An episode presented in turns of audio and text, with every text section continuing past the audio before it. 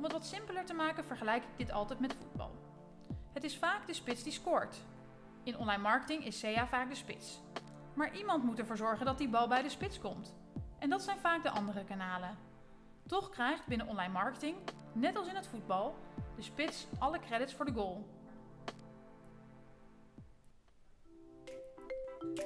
Hoi en wat leuk dat je luistert naar mijn podcast. Ik ben Chantal en al sinds 2010 bezig met SEO.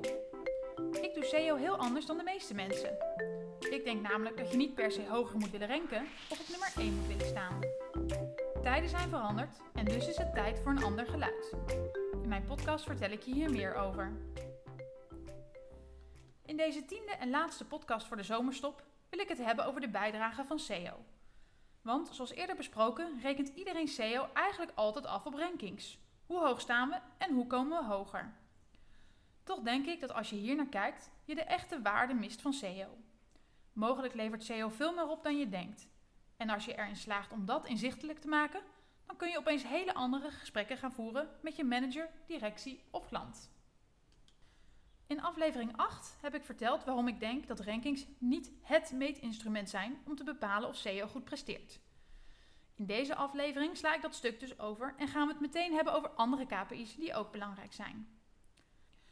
Voordat we daar dieper op ingaan, is het goed om het eens kort te hebben over de Customer Journey. Want SEO is slechts één van de kanalen die de klant kan gebruiken. Ik gebruik zelf altijd het See, Think, Do, Care model. Maar let op, een Customer Journey is slechts een model om iets duidelijk te maken. Zie het dus ook niet als de ultieme waarheid. Mensen kunnen de hele journey in twee minuten doorlopen of er een jaar over doen. Het hangt waarschijnlijk van je product of markt af wat hier het geval zal zijn. Daarnaast kunnen mensen in zo'n beetje elke fase instromen. Je hoeft niet te starten bij C. Ik kan ook meteen iets willen hebben en direct in Google op zoek gaan naar iets. Maar toch is het model bij uitstek geschikt om de kanalenmix binnen online marketing beter te snappen. In de C-fase hebben mensen vaak geen zoek- of aankoopintentie. Ze zijn latent en maken vaak passief gebruik van een medium zoals Facebook of Instagram. En als je ze in dit stadium bereikt, zul je ze moeten triggeren en hun aandacht trekken. Op het moment dat ze je boodschap interessant vinden, zullen ze mogelijk je website of product gaan bekijken en erover na gaan denken. Ze komen dan in de think-fase. Sommige mensen rollen vanzelf de think-fase in, bijvoorbeeld omdat ze een probleem hebben dat ze graag op willen lossen. En als ze voldoende informatie hebben, kan het zijn dat ze klaar zijn om te gaan kopen. Ze komen dan in de do-fase terecht. Ook hier kan het prima zijn dat mensen de twee eerdere fases overslaan en direct in de do-fase komen. Hebben mensen eenmaal bij je gekocht, dan zijn ze in de care-fase. Je hebt nu hun gegevens en het is aan jou om ze te koesteren, te prikkelen en te hopen dat ze nog eens bij je kopen als je dit opnieuw voor elkaar krijgt. SEO speelt alleen een rol in de think- en do-fase van de customer journey. Dit is namelijk waar een behoefte, probleem of vraag op speelt en mensen vaak in Google op zoek gaan naar het antwoord. In de C-fase zijn mensen daar niet mee bezig en ook van mensen in de care-fase kun je dit niet verwachten. Vroeger was SEO bij uitstek een kanaal in de doelfase van de customer journey. Mensen zochten iets in Google en SEO stond nog prominent in beeld. De advertenties hadden toen een gelige achtergrond en waren daardoor visueel gescheiden van de organische resultaten. De top van SEO werd ook nog niet gedomineerd door grote partijen en dus kon iedereen dit spel vaak nog goed meespelen. Iemand die zocht op autoverzekering kon prima via SEO een aanbieder vinden en converteren. Inmiddels is dat veranderd. Zoek op autoverzekering en je ziet vier grote advertenties en daaronder enorm grote spelers zoals Independer of andere vergelijkers. Dat maakt dat SEO voor veel partijen in de markt een ander soort kanaal is geworden. Die partijen zijn niet altijd meer zichtbaar op de termen die directe conversie brengen, want die plekken zijn ingenomen door SEA en andere partijen. Maar heb jij nog steeds veel verkeer uit SEO, maar zie je de omzet dalen? Dan moet je alert zijn. SEO speelt mogelijk een andere rol en moet dus ook anders afgerekend worden. Een voorbeeld. Stel je bent een klein reisbureau en biedt de mooiste reizen op maat aan naar Latijns-Amerika. Waarschijnlijk kun je het wel vergeten om vindbaar te worden op zoektermen als rondreis Peru of rondreis Brazilië. Daar staan namelijk de grote jongens in de markt en zie je ook nog eens enorm veel advertenties. Het kan dus zijn dat mensen in plaats daarvan nu via SEO binnenkomen op termen als tips Peru, hoogtepunten Peru, tips reizen door Peru met kinderen. Of misschien weten ze het nog niet zo goed en zoeken ze naar tips reizen Zuid-Amerika. Het spreekt voor zich dat in veel gevallen iemand die zoekt naar rondreis Peru eerder zal converteren dan iemand die zoekt naar tips reizen Zuid-Amerika. Toch hebben mensen je wel gevonden via SEO. En ondanks dat het even duurt voor ze converteren, heeft SEO wel een bijdrage geleverd. En die bijdrage die moet je inzichtelijk maken. Het nadeel is dat Google Analytics standaard rapporteert op last cookie. Het laatste kanaal dat de klant naar je site heeft gebracht, krijgt de conversie toegewezen. En je zult dan zien dat SEA een hoger conversieratio heeft dan SEO. Maar dat is nogal wie dus als je bedenkt dat SEA bezoekers binnenbrengt die klaar zijn om te kopen. En SEO bezoekers binnenbrengt die nog aan het nadenken zijn. Om het wat simpeler te maken vergelijk ik dit altijd met voetbal. Het is vaak de spits die scoort. In online marketing is SEA vaak de spits. Maar iemand moet ervoor zorgen dat die bal bij de spits komt. En dat zijn vaak de andere kanalen. Toch krijgt binnen online marketing, net als in het voetbal, de spits alle credits voor de goal. En dat is niet eerlijk. Zet die spits alleen in het veld en waarschijnlijk wordt hij een stuk minder efficiënt. Binnen online marketing zie ik steeds vaker dat SEA de spits is en SEO ergens een rol speelt in de achterhoede en het middenveld. SEO scoort soms nog wel degelijk de goal, maar vooral een rol op het middenveld wordt steeds belangrijker. En of je nu een kleine of een grote speler bent, het is interessant om te weten hoeveel SEO op alle verschillende vlakken bijdraagt. Je wil weten hoe vaak SEO scoort, dus hoeveel omzet SEO brengt, maar je wilt ook weten hoe vaak SEO een voorzet heeft gegeven, de ondersteunende rol. Google Analytics houdt voor je bij wat de ondersteunende rol per kanaal is geweest.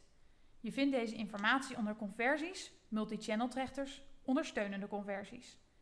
Je ziet hier bij hoeveel conversies SEO de laatste klik had en bij hoeveel conversies SEO eerder in het klikpad zat en dus een ondersteunende rol heeft gespeeld. Het is interessant om deze data eens over langere tijd op te vragen en te bekijken. Misschien zie je wel dat de rol van SEO als laatste kanaal steeds kleiner wordt en de rol als ondersteunend kanaal steeds groter wordt. Dat betekent dat je steeds minder directe omzet uit SEO hebt, maar dat SEO wel enorm belangrijk is en veel nieuwe klanten en bezoekers binnenbrengt. Een ander interessant dashboard in Google Analytics is het onderdeel vertraging of time lag. Heb jij een blog waarbij alle content ook onder de directory blog hangt, dan is het de moeite waard om eens een nieuw conversiesegment hiervoor aan te maken. Met de directory blog bedoel ik dat het woord blog in elke URL staat. Je kunt dan zien hoe lang het duurt voordat mensen die op een blogartikel zijn binnengekomen converteren. Wat je ziet is dat de grootste groep bezoekers in het algemeen vrij snel zal converteren, vaak nog dezelfde dag. Maar kies je het conversiesegment van mensen die binnengekomen zijn via een blogartikel, dan zie je interessante verschuivingen. Deze groep heeft vaker wat langer de tijd nodig voordat ze gaan converteren. En je ziet dat het balkje onderaan, dat aangeeft tussen de 12 en 30 dagen, veel groter is. Dat wil dus zeggen dat mensen die via het blog binnenkomen, vaak pas 12 tot 30 dagen na het eerste bezoek converteren. Wellicht zie je dus dat het blog niet heel veel directe omzet brengt en ben je teleurgesteld. Maar als je hier naar kijkt, dan zie je precies hoe het blog gebruikt wordt. Mensen komen via het blog binnen en converteren later. Ze kwamen binnen in een thinkfase en hebben even de tijd genomen om na te denken. Pas dus op met de conclusie dat een blog niets bijdraagt als je niet eerst dit dashboard hebt bekeken. Als je dus per se rankings wilt blijven monitoren om de prestaties van SEO te bepalen, dan wil ik je op het hart drukken om wel verder te kijken en ook andere KPI's te gaan meten, zoals het totale SEO-verkeer, het SEO-verkeer op de pagina's waar je aan gewerkt hebt, de tijd dat mensen op je site zijn geweest, het aantal pagina's dat ze hebben bekeken, het aantal ondersteunende conversies waarin SEO een rol heeft gespeeld en de bijdrage van een blog via het dashboard vertraging. En dan is er nog iets waar je rekening mee moet houden. Je ziet namelijk steeds vaker dat een organisch resultaat mogelijk geen verkeer meer stuurt. Zoek maar eens naar symptomen zwangerschap. Je ziet een featured snippet met alle mogelijke symptomen op een rij. Toch heeft een content marketeer of een SEO-specialist bij dit bedrijf heel hard zitten werken om organisch vindbaar te worden op deze zoekterm. En nu opeens heeft Google de kliks gestolen. Want waarom zou je nog doorklikken als je alle informatie hebt gehad? Deze SEO-marketeer ziet dus het verkeer teruglopen en dat brengt een lastige discussie op gang. Want wat is hier nog de waarde van? Wat is de waarde van een view? Je zult dus ook moeten bijhouden hoe vaak je zichtbaar bent geweest in een featured snippet of in de zoekresultaten en daar een waarde aan gaan hangen. En als je dit allemaal bijhoudt, dan heb je vaak een goed verhaal naar je manager, je directie of je klant over de echte waarde van SEO. Een discussie die volgens mij veel relevanter en interessanter is dan een discussie over waarom je van positie 2 naar positie 3 bent gezakt. Als je op rankings of directe omzet rapporteert, kan het zijn dat je telkens in een frustrerende discussie terechtkomt over waarom iets niet lukt of wat SEO nog waard is. Maar als je goed in kaart weet te brengen wat SEO onder water allemaal nog bijdraagt, dan kun je opeens gaan vragen om extra budget voor nieuwe plannen. Dit was het, de laatste podcast voor de zomerstop. De komende periode ga ik aan de slag met andere zaken en na de zomer hoor je mij weer. Wil je tot die tijd niks missen? Volg me dan op Instagram. Je vindt me onder Chantal Smink NL.